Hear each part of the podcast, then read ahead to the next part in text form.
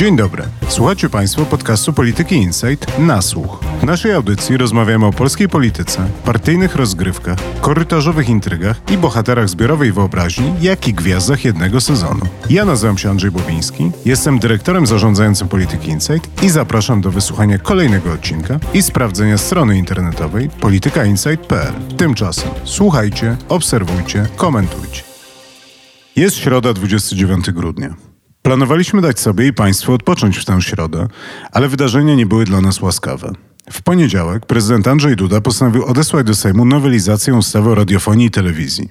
Moim zdaniem, po tym wecie, nic już nie będzie takie samo. Dziś zapytam Wojtka Szockiego, czy nie przesadzam.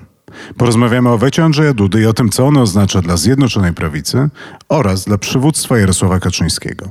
Zastanowimy się, jakie są długofalowe implikacje tej decyzji. Zapraszam na nasłuch. Dobrze, to może zacząłem Wojtku tak z czystej ciekawości i zapytał się ciebie o to, czy decyzja prezydenta Andrzeja Dudy była dla ciebie zaskoczeniem.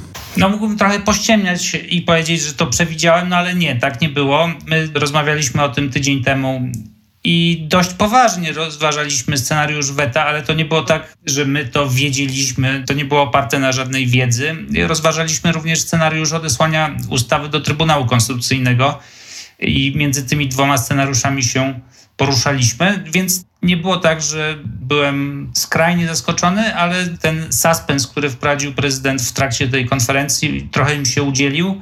I dopiero chyba jak zaczął mówić o tym, że rozmawiał ze zwykłymi ludźmi na ulicy, to wtedy napisałem, że to brzmi na weto i rzeczywiście chwilę później prezydent powiedział, że to będzie weto, ale suma summarum byłem zaskoczony i zdaje się, że zaskoczony był również PiS. A dlaczego Twoim zdaniem prezydent podjął taką, a nie inną decyzję? Zacznę może od tego, że po pierwsze to była decyzja słuszna, a po drugie, że to uzasadnienie, które przedstawił prezydent, było przekonujące i klarowne, ale z drugiej strony nie mogę się oprzeć wrażeniu, że to uzasadnienie było wtórne wobec politycznej decyzji o niepodpisaniu ustawy i jej zawetowaniu. To znaczy, sądzę, że prezydent całym swoim sercem nie chciał tego podpisać, po czym znalazł argumenty prawne, o których wspominał na konferencji prasowej, czyli między innymi traktat ze Stanami Zjednoczonymi z 90 roku, czyli zasadę konstytucyjną ochrony własności. Prezydent mówił przekonująco o tym, że to byłaby bardzo daleko idąca ingerencja w prawo własności. Ochrona interesów w toku, czyli ta ustawa uderzałaby w telewizję, która jest w Polsce od wielu lat, legalnie nadaje na podstawie koncesji wydanej przez organy legalne, czyli Krajową Radę Radiofonii i Telewizji. I tych argumentów prawnych było sporo. Poza tym był ten argument również o wolności słowa i pluralizmie medialnym, a także prezydent wspomniał o konsekwencjach gospodarczych, że Polska by prawdopodobnie musiała długo się sądzić z właścicielami amerykańskimi telewizji TVN i że to mogłoby się skończyć miliardowymi zasądzonymi przez sąd arbitrażowy. I to wszystko brzmiało przekonująco, rzeczywiście te argumenty były mocne, natomiast no, trudno się oprzeć też wrażeniu, że prezydent miał jeszcze parę innych motywów, które skłoniły go do tej decyzji, że to weto było wielopiętrowym wetem i o piwnicy tej decyzji prezydent nie wspomniał, a sądzę, że były tam w tej piwnicy takie dwa elementy, czyli jeden to jest być może osobista przyszłość prezydenta po drugiej kadencji. Ten ruch prezydenta był bardzo uważnie śledzony przez Amerykanów. Oni by nie zapomnieli tej decyzji, gdyby była inna. Tutaj Andrzej Duda prawdopodobnie pilnował również swojej przyszłości. A drugim takim ukrytym motywem, o którym prezydent nie wspomniał, no to pewnie była jednak jakaś chęć zagrania na nosie Jarosława Kaczyńskiego i pokazania, że prezydent coś może i że nie można tak całkowicie lekceważyć Andrzeja Dudy. No jeszcze są ci zwyczajni ludzie. Po nich nie wspomniałeś. Tak, wspomniałem, że prezydent mówił o tych zwyczajnych ludziach i wtedy właśnie już wydawało się, że to weto jest pewne. Prezydent zagrał na takiej nucie, nie wiem, wspólnotowej, ponadpodziałowej, że on rozmawiał z ludźmi. Zastanawia mnie skądinąd, jak to jest, że jacyś ludzie podchodzą na ulicy do prezydenta i mu mówią, co sądzą na temat ustawy Lex TVN. Ta scena, jeśli się naprawdę wydarzyła, to musiało być coś. I ci ludzie zwykli mówili prezydentowi, że nie chcą sporów, nie chcą kłótni, waśni i że prezydent tutaj poszedł jakby w zgodzie z nastrojami społecznymi. No to niesamowite jest odwzorowanie ulicy zagranicy, to znaczy zagranica Amerykanie, a ulica ta, ta dwójka Polaków, która dopadła prezydenta Andrzeja Duda na ulicy i poprosiła go, żeby jednak nie podpisywał. Ale do tego może jeszcze wrócimy. Natomiast kolejna rzecz, która mnie bardzo zastanawia z tych takich wątków porządkujących, to jest reakcja na to weto obozu władzy, a tak naprawdę jej brak, bo wszystkich komentarzy ja głównie słyszę ciszę, ewentualnie jakieś takie pomrukiwania albo wypowiedzi czy sygnały poza mikrofonami. Te reakcje można podzielić na to, co mówią politycy PiSu do mikrofonu lub to, co piszą w mediach społecznościowych. I to są takie właśnie reakcje, o których ty wspomniałeś, czyli prezydent skorzystał ze swojej prerogatywy. Żałujemy, że tak się stało, ale w zasadzie to się nic takiego wielkiego nie stało. Jedziemy dalej, wszystko będzie w porządku, nic się nie zmieniło. Z drugiej strony jest ta warstwa komentarzy nieoficjalnych, no i tam nawet nie mogę cytować tego, co mi mówili politycy PiSu o wecie. Były tam zdecydowanie niekorzystne dla prezydenta epitety. A oprócz tego były też komentarze internautów, w tym znanych Twitterowiczów, którzy dość ostro krytykowali prezydenta Dudę za to weto. Trochę się też oberwało przy okazji samemu PiSowi za nieskuteczność. Były takie przestrogi, że słuchajcie, uważajcie, bo zrobiło się nieciekawie, zrobiło się groźnie dla obozu władzy. No i kolejna warstwa to jest reakcja mediów na tę decyzję prezydenta. Tutaj mam na myśli głównie portal braci Karnowskich. Widziałem już dwa teksty takie wyraźnie krytyczne wobec prezydenta w tej sprawie. A osobną kwestią jest oczywiście Solidarna Polska, która skrytykowała prezydenta. Tutaj być może partia Zbigniewa Ziobry myśli nie tylko o tym wecie, ale również o sprawie ustaw sądowniczych, które przez prezydenta na razie nie są pokazywane. No dobrze, Wojtku, teraz może przejdźmy do tego, co dalej. Pierwsze pytanie, które chciałem Ci zadać, to jak oceniasz doniosłość tej decyzji? W skali Beauforta, gdzie 0 oznacza ciszę, 6 silny wiatr, a 12 to jest szczyt tej skali, to jest huragan. Jak oceniasz tą siłę wiatru? Z krakowskiego przedmieścia powiało dość mocno. W stronę nowogrodzkiej taki chłodny północny wiatr z powietrzem arktycznym. Ja myślę, trzymając się tej skali, o której mówiłeś, no, że to jest taka siódemka, ósemka pewnie. Nie było to chyba aż tak mocne jak weta w sprawie ustaw sądowych w 2017 roku, ale z drugiej strony ten PiS, w który ten podmuch uderzył, jest znacznie słabszy niż w 2017 roku więc być może odczuwalnie ten wiatr jest jeszcze silniejszy niż wówczas, chociaż sprawa jest pewnie nie tak istotna. No właśnie, bo to jest chyba pytanie, które wszyscy sobie zadajemy i to jest ten moment, który mnie w naszej rozmowie chyba najbardziej interesuje. To znaczy, co to oznacza dla obozu Zjednoczonej Prawicy i na ile taki podmuch może to ugrupowanie wywrócić. Bo tak jak mówisz, rozmawiamy o dosyć słabej w tym momencie formacji, która naprawdę się chwieje, ma jakieś niesamowite nagromadzenie problemów i w perspektywie problemy jeszcze większe. Ma też bardzo małą większość, która już w tym momencie jest warunkowa, no bo jesteśmy gdzieś między Łukaszem Mejzą i jego przyjacielem z ław sejmowych Zbigniewem Eichlerem, a z drugiej strony Pawem Kukizem i jego wesołą gromadką trzech posłów. I zdaje się, że Zjednoczona Prawica nie jest w stanie pomieścić tych dwóch bytów. Chociaż nie wiem, może coś się zmieniło po dymisji Łukasza Mejzy, ale wydaje mi się, że ciężko.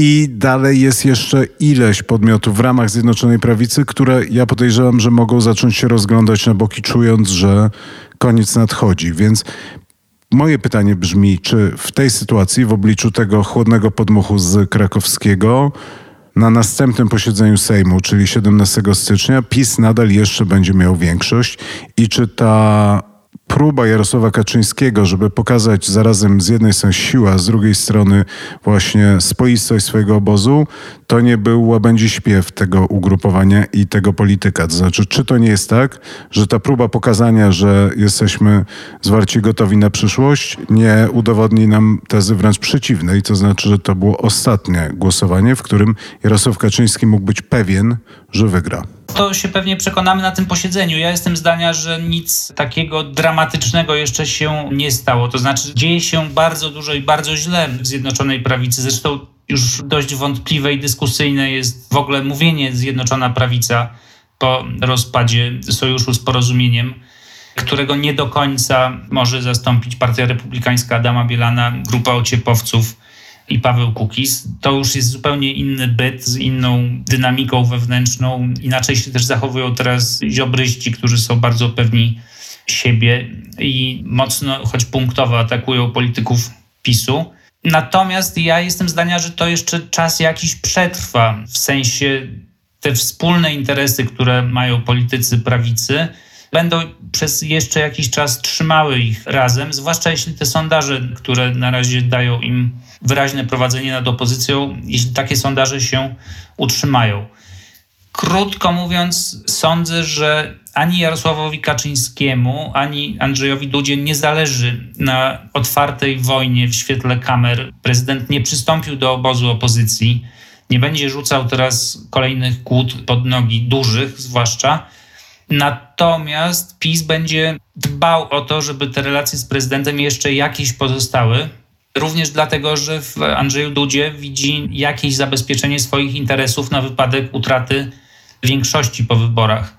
Więc tutaj wydaje mi się, że także te pierwsze reakcje PiSu, czyli takie bardzo wyciszone komentarze i unikanie ostrej krytyki, to pokazuje, że obu stronom zależy jednak na pewnych roboczych, przynajmniej tak dobrych jak to możliwe relacjach i że to jeszcze tak będzie sobie gdzieś tam ten statek płynął, chociaż coraz więcej dziur jest w pokładzie, a wiatr coraz silniejszy. No niby tak, ale z jednej strony czytamy wywiad Jarosława Kaczyńskiego w Interia, z drugiej strony oglądamy wywiad z Andrzejem Dudą w Polsacie. Wywiad, który ukazał się w poniedziałek i wywiad, który został przeprowadzony przez Bogdana Rymanowskiego w poniedziałek wieczorem tuż po wecie. Że sympatii tam nie widzę, to jest jasne, ale też ja nie widzę jakiejkolwiek woli i próby, żeby nawet udawać, że te dwa obozy, ten obóz prezydencki i Nowogrodzka, zamierzają utrzymywać jakiekolwiek cywilizowane kontakty. To znaczy Jarosław Kaczyński mówi o tym, że on się nie kontaktował z Andrzejem Dudą od tak dawna, że to jest nawet nieważne, jak dawno to było. W sensie, no on, to jest tak jasny i nieprzyjemny policzek, który sprzedaje Jarosław Kaczyński prezydentowi państwa, że głowa mała. A z drugiej strony Andrzej Duda też z uśmiechem na twarzy mówi, że oczywiście zaproszenie jest otwarte dla Jarosława Kaczyńskiego, ale daje do zrozumienia, że to Jarosław Kaczyński musi zrobić pierwszy krok i zapukać do jego drzwi. Więc tak jak patrzę na to i czytam te sygnały, to ja nie wyobrażam sobie jakiejkolwiek cywilizowanej formy współpracy między tymi dwoma środowiskami. Ja myślę, że tych pośredników, którzy mogą jeszcze negocjować między stronami, jest jeszcze całkiem sporo. Jest Maciej Łopiński, który ma dobre relacje z Kaczyńskim i z Dudą.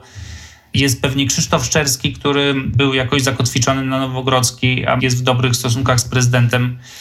Więc jeśli tam będzie odrobinę chociaż dobrej woli, to te relacje jakoś się utrzymają tak w bieżących sprawach, ale także w tej strategicznej, czyli to przynajmniej jest moje zdanie. Obie strony zgadzają się, że ten układ, który teraz jest, jest dla obu korzystny, czyli zarówno PiS korzysta na tym, że prezydentem jest Andrzej Duda, jak i Andrzej Duda korzysta z tego, że ma ze sobą większość. No więc ja się z tym zupełnie nie zgadzam, muszę ci powiedzieć.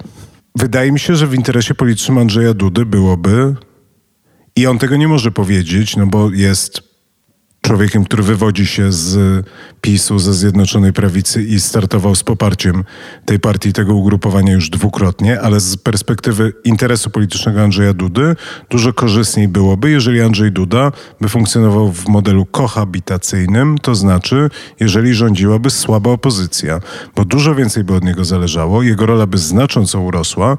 W tym momencie on będzie podgryzany i atakowany przez PiS, szczególnie, że ty mówisz o racjonalnych przesłankach, a są też, wydaje mi się, muszą być silne emocje i podejrzewam, że Jarosław Kaczyński, choć go nie znam i nie wiem, jak wygląda wściekły Jarosław Kaczyński, ale zgaduję, że jeżeli Jarosław Kaczyński bywa wściekłym, to był wściekły, kiedy dowiedział się. Myślę, że też tutaj sobie pozłorzeczył troszkę na Andrzeja Dudę i na jego decyzję.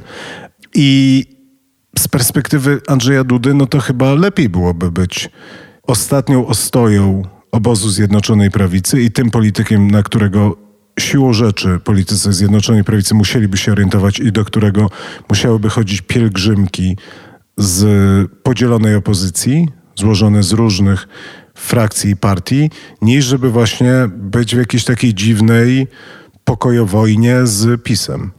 Znaczy nie do końca rozumiem, jaka jest korzyść dla Andrzeja Dudy z tego obecnego stanu rzeczy, gdzie on jest w najlepszym wypadku marginalizowany albo pomijany i nieszanowany, w sytuacji, w której jakby był prezydentem z innego obozu niż rząd, to musiałby być brany pod uwagę przy każdej możliwej decyzji. No to zacznę może od tych emocji Jarosława Kaczyńskiego, bo ja sądzę, że te emocje rzeczywiście buzują i że tam tego złożyczenia po cichu jest bardzo dużo. Ale też Jarosław Kaczyński, ten niespokojny pokój z Pałacem Prezydenckim, no to jest stan, który się utrzymuje od lat. I te relacje były bardzo złe już od czasu tego podwójnego weta do ustaw sądowniczych w 2017 roku. No a potem Jarosław Kaczyński przeprowadził kampanię prezydencką, w której PiS bardzo mocno wsparł Andrzeja Dudę. Co więcej, Jarosław Kaczyński tam nakłamał w tej kampanii, do czego się przyznał w wywiadzie dla Interi. Powiedział po prostu, że te weta były słuszne, że prezydent dobrze zrobił. A teraz dziennikarzom, którzy zrobili z nim ten wywiad, przyznał, że wcale tak nie myślał, tylko że polityk doświadczony musi czasem połknąć tę żabę, jak to ujął.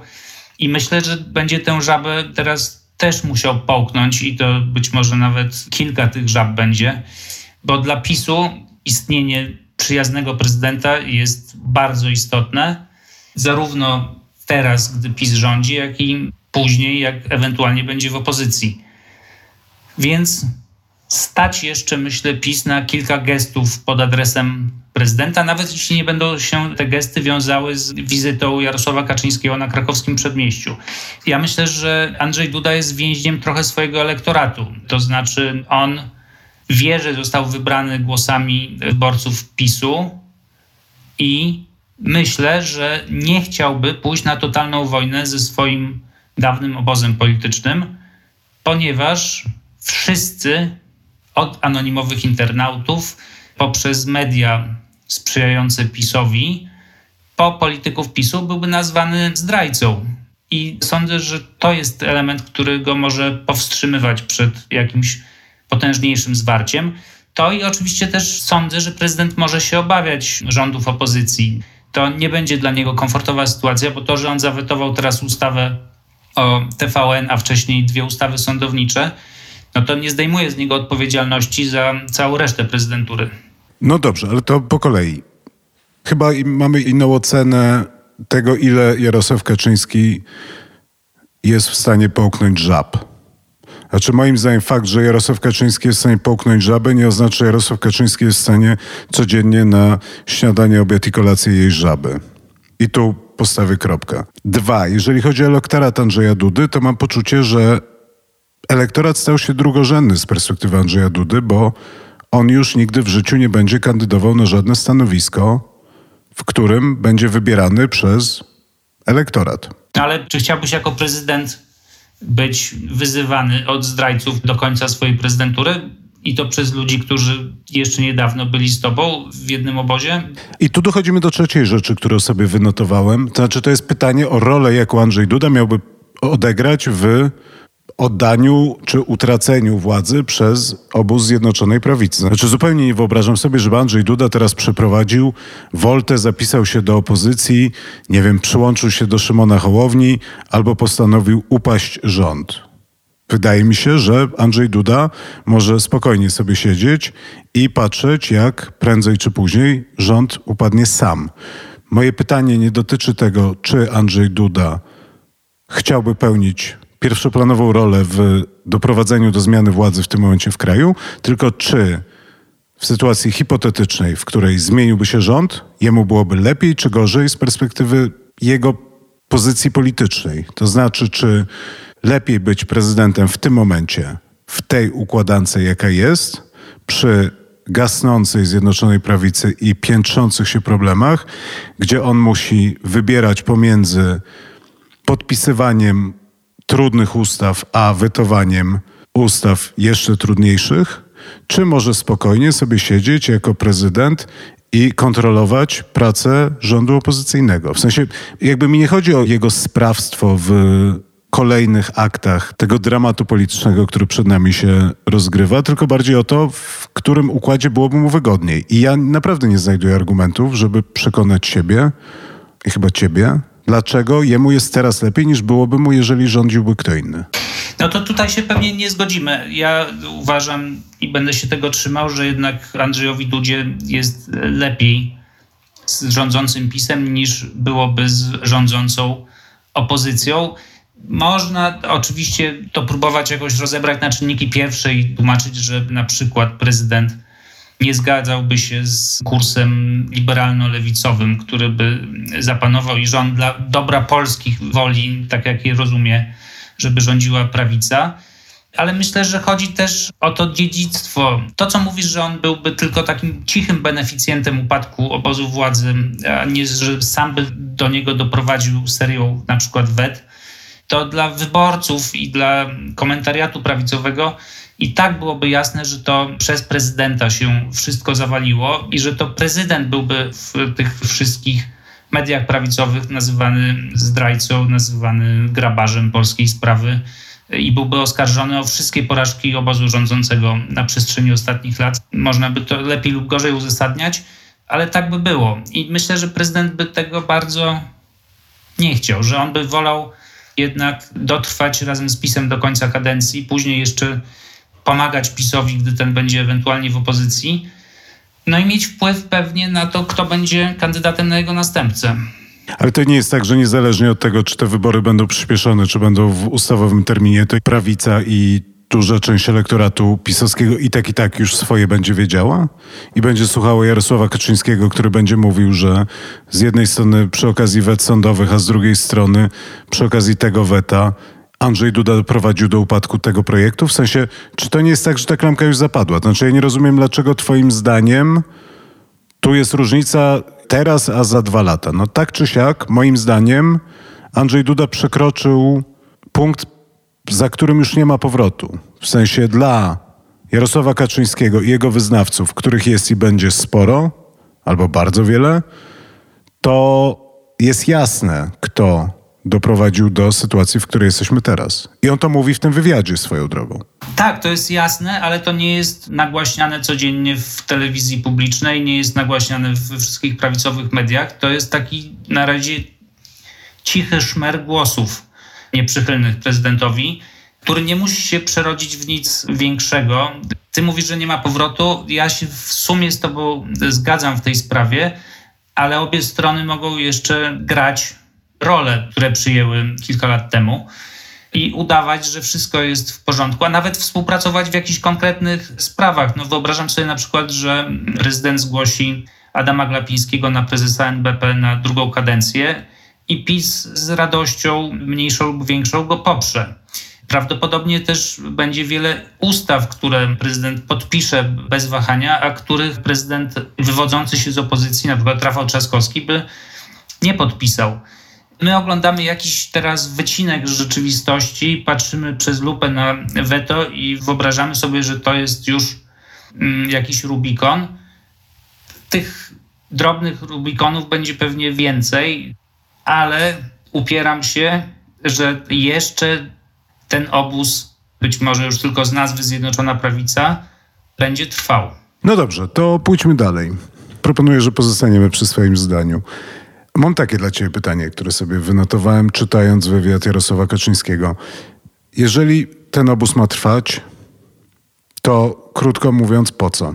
To znaczy, po co PiS ma dalej rządzić? Bo jak ja czytam ten wywiad, to co jest dla mnie niesamowite, to że tam nie ma krztyny pozytywnej treści. W sensie tam nie ma jednego pomysłu, jednego argumentu, dlaczego i po co Zjednoczona Prawica, PiS i Jarosław Kaczyński mają dalej rządzić, poza tym, żeby trwać. I zastanawiam się, czy tak naprawdę to nie jest to, co jest najbardziej niebezpieczne z perspektywy dojechania do końca kadencji. To znaczy, wszystko, o czym mówi Jarosław Kaczyński, to jest to, co mu się nie udało, wszystkie przykrości, które teraz go spotykają, wszystkie problemy, z którymi trzeba będzie się mierzyć, tam naprawdę nawet nie ma no, nic. Tak, ja czytałem z podobnymi odczuciami ten wywiad, również ciut wcześniejszy wywiad Kaczyńskiego dla Gazety Polskiej Codziennie.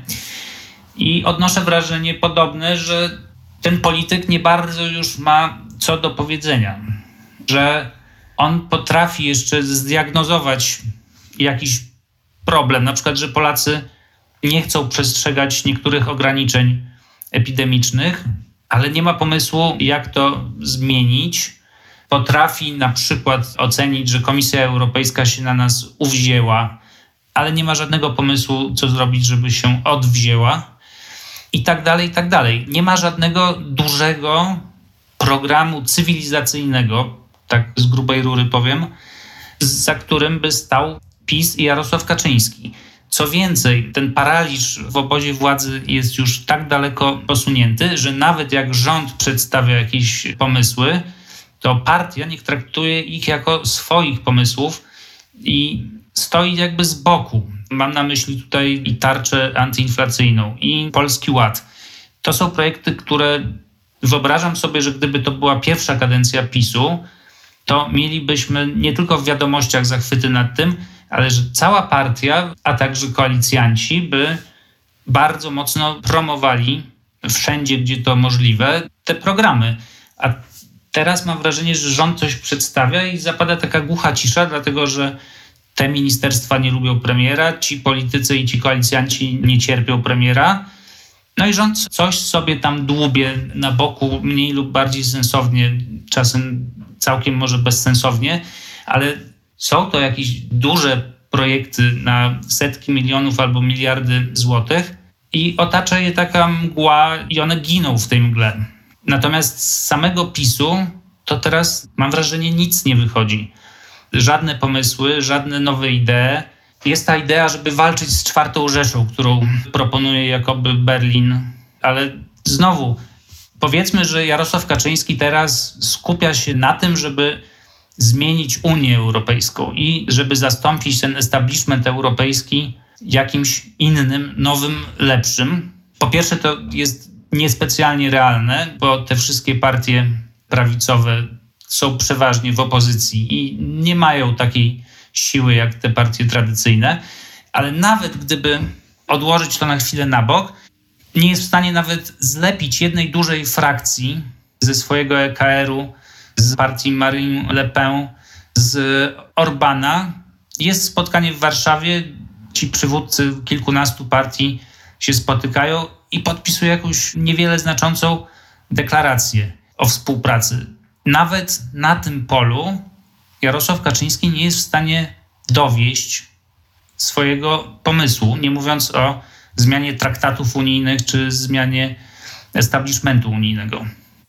Tak naprawdę to, o czym ja sobie myślałem, kiedy to weto nadeszło, to, że największym problemem Jarosława Kaczyńskiego to jest ta porażka wizerunkowa. To znaczy ten moment, kiedy wszyscy widzą, że on nie kontroluje, w sensie, że tam nie ma sprawczości. To znaczy, że on wyrusza na bitwę, nie będąc do niej przygotowanym i ją sromotnie przegrywa i tak naprawdę nawet nie ma wytłumaczenia, po co on na tą bitwę się wybrał, ani jakim cudem on sobie wyobrażał, że mógłby ją wygrać.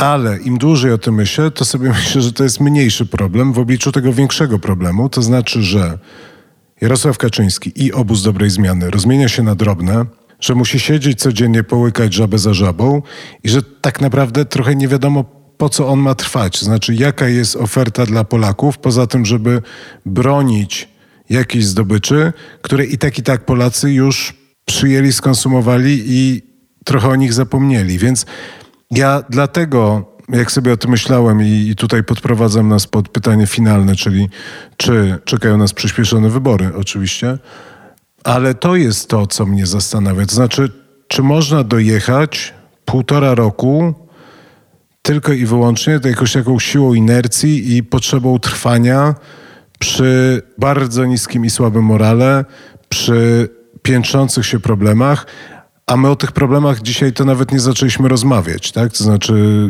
piąta fala, która prawdopodobnie nastanie, zanim czwarta się skończy, inflacja i tak dalej. Nawet nie chcę mi się tego wymieniać. Tak? To znaczy ten bałagan w relacjach z Unią Europejską i to, że bez reformy sądownictwa, do której zdaje się, że nie dojdzie, bo prezydent dosyć jasno wysłał sygnał, że nie będzie grał do jednej bramki ze Zbigniewem Ziobrą, no to tutaj po prostu to jest jakiś koszmar. Więc mamy z jednej strony słabego przywódcę, mamy brak pomysłu na to, po co ten przywódca ma rządzić, mamy piętrzące się problemy, takie codzienności oraz nadciągającą katastrofę i jeszcze bardzo słabą większość. Ja naprawdę nie znajduję w sobie odpowiedzi na pytanie, jakim cudem Zjednoczona Prawica miałaby przetrwać najbliższe 18 miesięcy, czy tam 19. To pytanie, po co Jarosław Kaczyński ma władzę i co chce z tą władzą zrobić, to pytanie, pamiętam, towarzyszy nam od 2015 roku.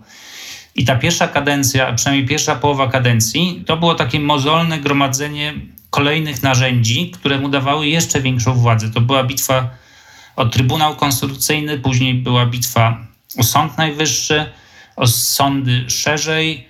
Była po drodze seria potyczek o media, z których kilka Jarosław Kaczyński wygrał, że przypomnę, kupno dzienników lokalnych przez Orlen. Kilka przegrał, że przypomnę TVN oraz ustawę o dekoncentracji mediów, która wisiała długo nad mediami i przestała wisieć. Była też ustawa, która miała opodatkować reklamy w mediach i też zaniknęła. Więc to było takie gromadzenie narzędzi, z którymi, prawdę mówiąc, Jarosław Kaczyński bardzo niewiele zrobił. A ja tu bym się znowu z tobą nie zgodził, bo moim zdaniem jednak trochę zrobił. No. W sensie przerył instytucje, zrobił skok na historiografię najnowszą, poprzestawiał jednak układ sił, w sensie naprawdę, no, wydaje mi się, że Polska w XXI roku, a Polska w XV to są dwie bardzo, bardzo różne Polski. No tak, ale w tym czasie społeczeństwo odpowiedziało laicyzacją, przesunięciem się na lewo, większą akceptacją dla związków homoseksualnych, większą akceptacją dla przerywania ciąży, więc tutaj Jarosław Kaczyński był wbrew pewnym procesom społecznym, a co więcej, być może je nawet zdynamizował na zasadzie kontrreakcji.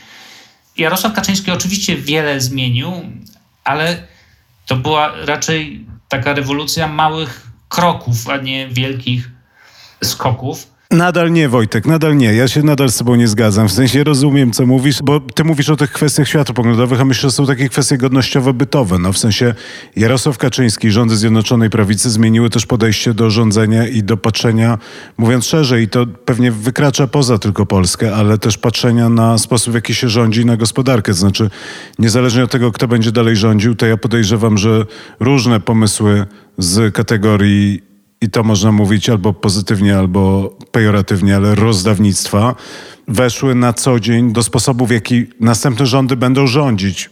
No ale do tego nie potrzebował tych wszystkich narzędzi. To znaczy, Trybunał Konstytucyjny nie był mu potrzebny, żeby wprowadzić 500. Ja wiem, ale chodzi mi o to, że jednak po co Jarosław Kaczyński przejął władzę w 15? Po to, żeby Polskę zmienić. Moim zdaniem Polskę zmienił bardzo mocno i wywarł duży wpływ na sposób rządzenia, na warunki bytowe wielu Polaków, przeprowadził rewolucję godnościową, zmienił instytucje, zmienił układ w mediach, bardzo dużo zrobił. Można to oceniać tak czy siak, dobrze czy źle, można to lubić albo nie. Teraz nie widzę, co dalej. Rozmawiamy o dwóch różnych rzeczach, bo ty mówiłeś o takiej, mówiąc po marcistowsku, bazie, czyli o tym, co Jarosław Kaczyński lub jakikolwiek inny polityk gdyby się taki trafił w 2015 roku z podobnym programem, ale bez naginania zasad demokracji, mógłby zrobić dokładnie to samo, co mówiłeś, że zrobił.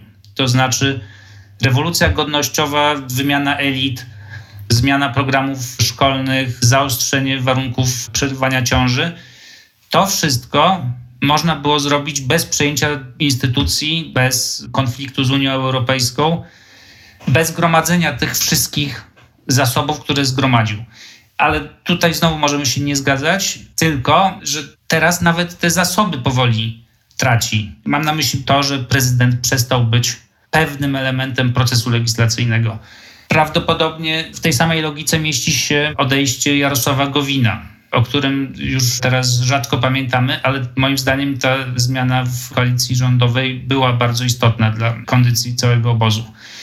I te porażki, o których rozmawiamy, zaczęły się moim zdaniem po wyborach prezydenckich od piątki dla zwierząt. To była pierwsza duża batalia, którą Jarosław Kaczyński przegrał na tym polu, o którym ty mówiłeś, czyli próbie zmiany świadomości Polaków, wpłynięcia na świadomość Polaków. I później posypały się następne. Ja zawalczę ostatnie słowo w tej akurat naszej potyczce słownej. Moim zdaniem nie można było przeprowadzić tych zmian, a przynajmniej tak powie każdy szanujący się pisowiec, tudzież prawicowiec, bez złamania oporu tych elit. To znaczy, elity by obroniły stan posiadania, jeżeli te instytucje by nie zostały zaatakowane. Po to, żeby przeprowadzić tą rewolucję, którą Jarosław Kaczyński zaczął przeprowadzać i tak jak to sobie wyobrażam w jego głowie, nie dokończy, albo nie dokończył, albo nie dokańcza przez to, że Andrzej Duda zablokował reformę sądów, tego wszystkiego nie dało się zrobić bez zaatakowania instytucji trzeciej RP. To znaczy te rzeczy, o których ja mówiłem, które się wydarzyły, byłyby niemożliwe bez przejęcia Trybunału, przejęcia mediów, zaatakowania sądów i konfliktu z Unią Europejską oraz z resztą świata. Nie chcę Ci zabierać ostatniego słowa, ale wtrącę tylko, że 500 plus i obniżenie wieku emerytalnego nastąpiło jeszcze przed apogeum wojny o Trybunał Konstytucyjny i jeszcze przed wymianą sędziów. No dobrze, to zostawię Ci ostatnie słowo, jakkolwiek się nadal z Tobą nie zgadzam. To jeszcze ostatnie moje pytanie, zanim przejdziemy do klu naszej rozmowy, brzmi, kim Twoim zdaniem po tym wecie jest albo będzie Andrzej Duda? I tu powiem jedną rzecz, która mnie uderzyła, jak oglądałem ten wywiad w Polsacie. Miałem wrażenie, że widzę przed sobą człowieka szczęśliwego, rozprężonego, żyjącego pełnią życia politycznego. Mam wrażenie, że to weto oswobodziło Andrzeja Dudę. Andrzej Duda postanowił, i może wcześniej już ta decyzja zapadła, ale pokazać, że nie zależy od PiSu, nie zależy od Jarosława Kaczyńskiego, nie zależy od swojego elektoratu, tylko zamierza, moim zdaniem, w ostatnich latach swojej prezydentury, w drugiej swojej kadencji być takim prezydentem, jakim on chce być. I to nie znaczy, że on przyłączy się do opozycji albo że nagle stanie się liberałem. Myślę, że nadal będzie ultrakonserwatywnym politykiem, który będzie miał, moim zdaniem, dosyć konserwatywny ogląd na kwestie na przykład szczepień, ale że on poczuł, że może być tym, kim chce. Ja miałem naprawdę tak, nie, nie wiem, czy ty też tak to odebrałeś, ale miałem poczucie, że z Bogdanem Rymanowskim rozmawia szczęśliwy człowiek i chyba to jest jedyny raz, kiedy ja widziałem szczęśliwego Andrzeja Dudę, poza tymi zdjęciami tam z krokodylem czy coś. I ze skutera wodnego. Ja tutaj bardzo chciałbym z tobą jakoś popolemizować, bo w sumie przyjemnie się polemizuje, ale nie mogę, bo w gruncie rzeczy uważam dokładnie to samo. Ja myślę, że prezydentowi jednak bardzo ciążyły przez lata te wszystkie epitety, którymi go obdarzano, że jest notariuszem, długopisem i tak dalej z przeproszeniem wszystkich notariuszy oczywiście i długopisów, ale że jednak to było nieprzyjemne dla prezydenta, a musiał się godzić trochę na tę rolę, przynajmniej w tej pierwszej kadencji. W drugiej kadencji nie miał do tej pory okazji tak naprawdę, żeby wczuć się w tę rolę, ponieważ nie było takich ustaw, które by były tak w pewnym sensie wygodne dla niego jak ustawa Lex TVN. To nie jest ustawa jakaś konserwatywna, która by mówiła coś o, obronie granicy, na przykład, czy też dotyczyła budowy muru na granicy z Białorusią. To nie była decyzja, która zbliżałaby go wyraźnie do opozycji. To była decyzja, która rozegrała się głównie na tym polu międzynarodowym relacji ze Stanami Zjednoczonymi. To jest jego domena, jego poletko i on uznał, że nie może tej ustawy podpisać i znalazł w ten sposób chyba po raz pierwszy w tej kadencji. Poprzednio była tylko jedna ustawa zawetowana, dotyczyła ustawy o działach. To weto i nie było to jakieś pierwszoplanowe wydarzenie, a rządzący się nawet po kilku miesiącach ucieszyli z tego, że tej ustawy nie ma. Więc tutaj to było idealne narzędzie dla prezydenta do wybicia się na niepodległość, do właśnie poczucia się sobą i na swoim. Więc tak, no pełna zgoda z tym, co powiedziałeś. Przykra sprawa. No dobrze, Wojtku, to co? Pytam. Albo nawet nie pytam, powiem swoje, a ty to skontruj. I to chyba już wszystko jest jasne po naszej rozmowie. Ja mam wrażenie, że my nie dojedziemy do końca roku bez wyborów. Nie wiem do końca, jak do tych wyborów ma dojść, co się wydarzy, jakie będą kolejne elementy tego, tego upadku, ale ja podsumowując, mam wrażenie, że te ostatnie dni doprowadziły do przyspieszenia tej degrangolady, którą obserwujemy i nie wyobrażam sobie, żeby na tej słabiutkiej większości PiS był w stanie dojechać do końca swojej kadencji. Nie mówię, że tu się coś wydarzy w styczniu, lutym czy w marcu, ale po prostu nie widzę energii i siły i sensu, żeby ta władza trwała. A jak ty sądzisz? To ja sądzę trochę inaczej. Myślę, że ta władza wciąż ma bardzo dużo interesu własnego, żeby trwać. I nie chodzi już o, mówiąc patetycznie, zmianę Polski, ale o korzystanie z tego, że jest się u władzy. To znaczy, myślę, że jest cała ta warstwa, górna warstwa działaczy pisowskich, jest bardzo zainteresowanych tym, żeby ta władza trwała jak najdłużej. I myślę, że siłą inercji to będzie sobie jeszcze trwało. Prześlizgnąłeś się nad tym zagadnieniem, jak doprowadzić do wyborów, ale ono jest dość istotne. Sądzę, że tutaj opozycja nie jest jeszcze gotowa do wyborów i z przyjemnością będzie patrzyła na ten postępujący upadek i coraz większą degrengoladę obozu rządzącego. A przyspieszone wybory to jest tak, maksymalne skrócenie terminów kampanijnych muszą się odbyć w ciągu 45 dni od skrócenia kadencji Sejmu. To jest zaledwie kilkanaście dni na wszystkie negocjacje, na ustalenie list, na rezerwację billboardów. To jest bardzo niekomfortowa sytuacja i myślę, że te realia będą powstrzymywały klasę polityczną jako całość od decyzji o przyspieszonych wyborach. A to musiałaby być decyzja całej klasy politycznej, no bo potrzebna jest większość 307 głosów kolejna okazja, żeby prezydent się pokazał jako czynnik ważący na tych przyspieszonych wyborach będzie dopiero w 2023 na samym początku, gdy być może Sejm będzie zwlekał z przesłaniem budżetu do prezydenta. Ale to by oznaczało wybory wiosną 2023 roku, a więc przyspieszone zaledwie o kilka miesięcy. Natomiast wcześniej wydaje mi się, że tych przyspieszonych wyborów jednak nie będzie, z jednym zastrzeżeniem, jeśli PiS zacznie teraz tracić w sondażach jeśli PiS zjedzie poniżej 30% i przez 2-3 miesiące będzie poniżej tych 30% i znikąd nie będzie widoków na to, żeby urosnąć, no to wtedy może się zdarzyć coś gwałtownego, to znaczy może odpaść jakaś część koalicji. Można sobie wyobrazić, że dojdzie do zerwania z ziobrystami że zostaną wyrzuceni różni ci przytuleni ostatnio posłowie, którzy nie będą mieli czego szukać na listach wyborczych PiSu. Wtedy te wybory staną się bardziej prawdopodobne.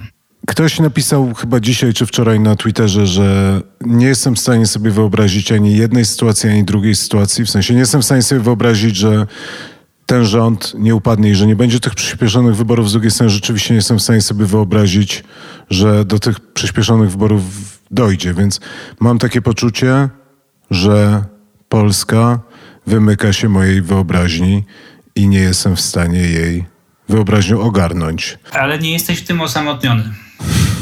Więc nie wiem, czego Państwu życzyć przed Nowym Rokiem, ale podejrzewam, żebyśmy jednak byli w stanie przynajmniej tą Polskę ogarnąć wyobraźnią, bo inaczej to chyba jeszcze ciężej. No, Donald Tusk życzył Jarosławowi Kaczyńskiemu czasu na czytanie książek, więc z tego myślę bezpiecznie możemy też wszystkim naszym słuchaczom życzyć. Wojtku, dziękuję bardzo i dziękuję za to nagłe nagranie, mimo innych planów. Dzięki, do usłyszenia. Dzięki.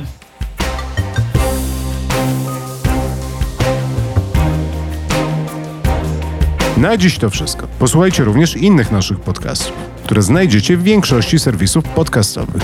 W pole wyszukiwania wpiszcie po prostu Polityka Insight. Słuchajcie, obserwujcie i komentujcie. Do usłyszenia.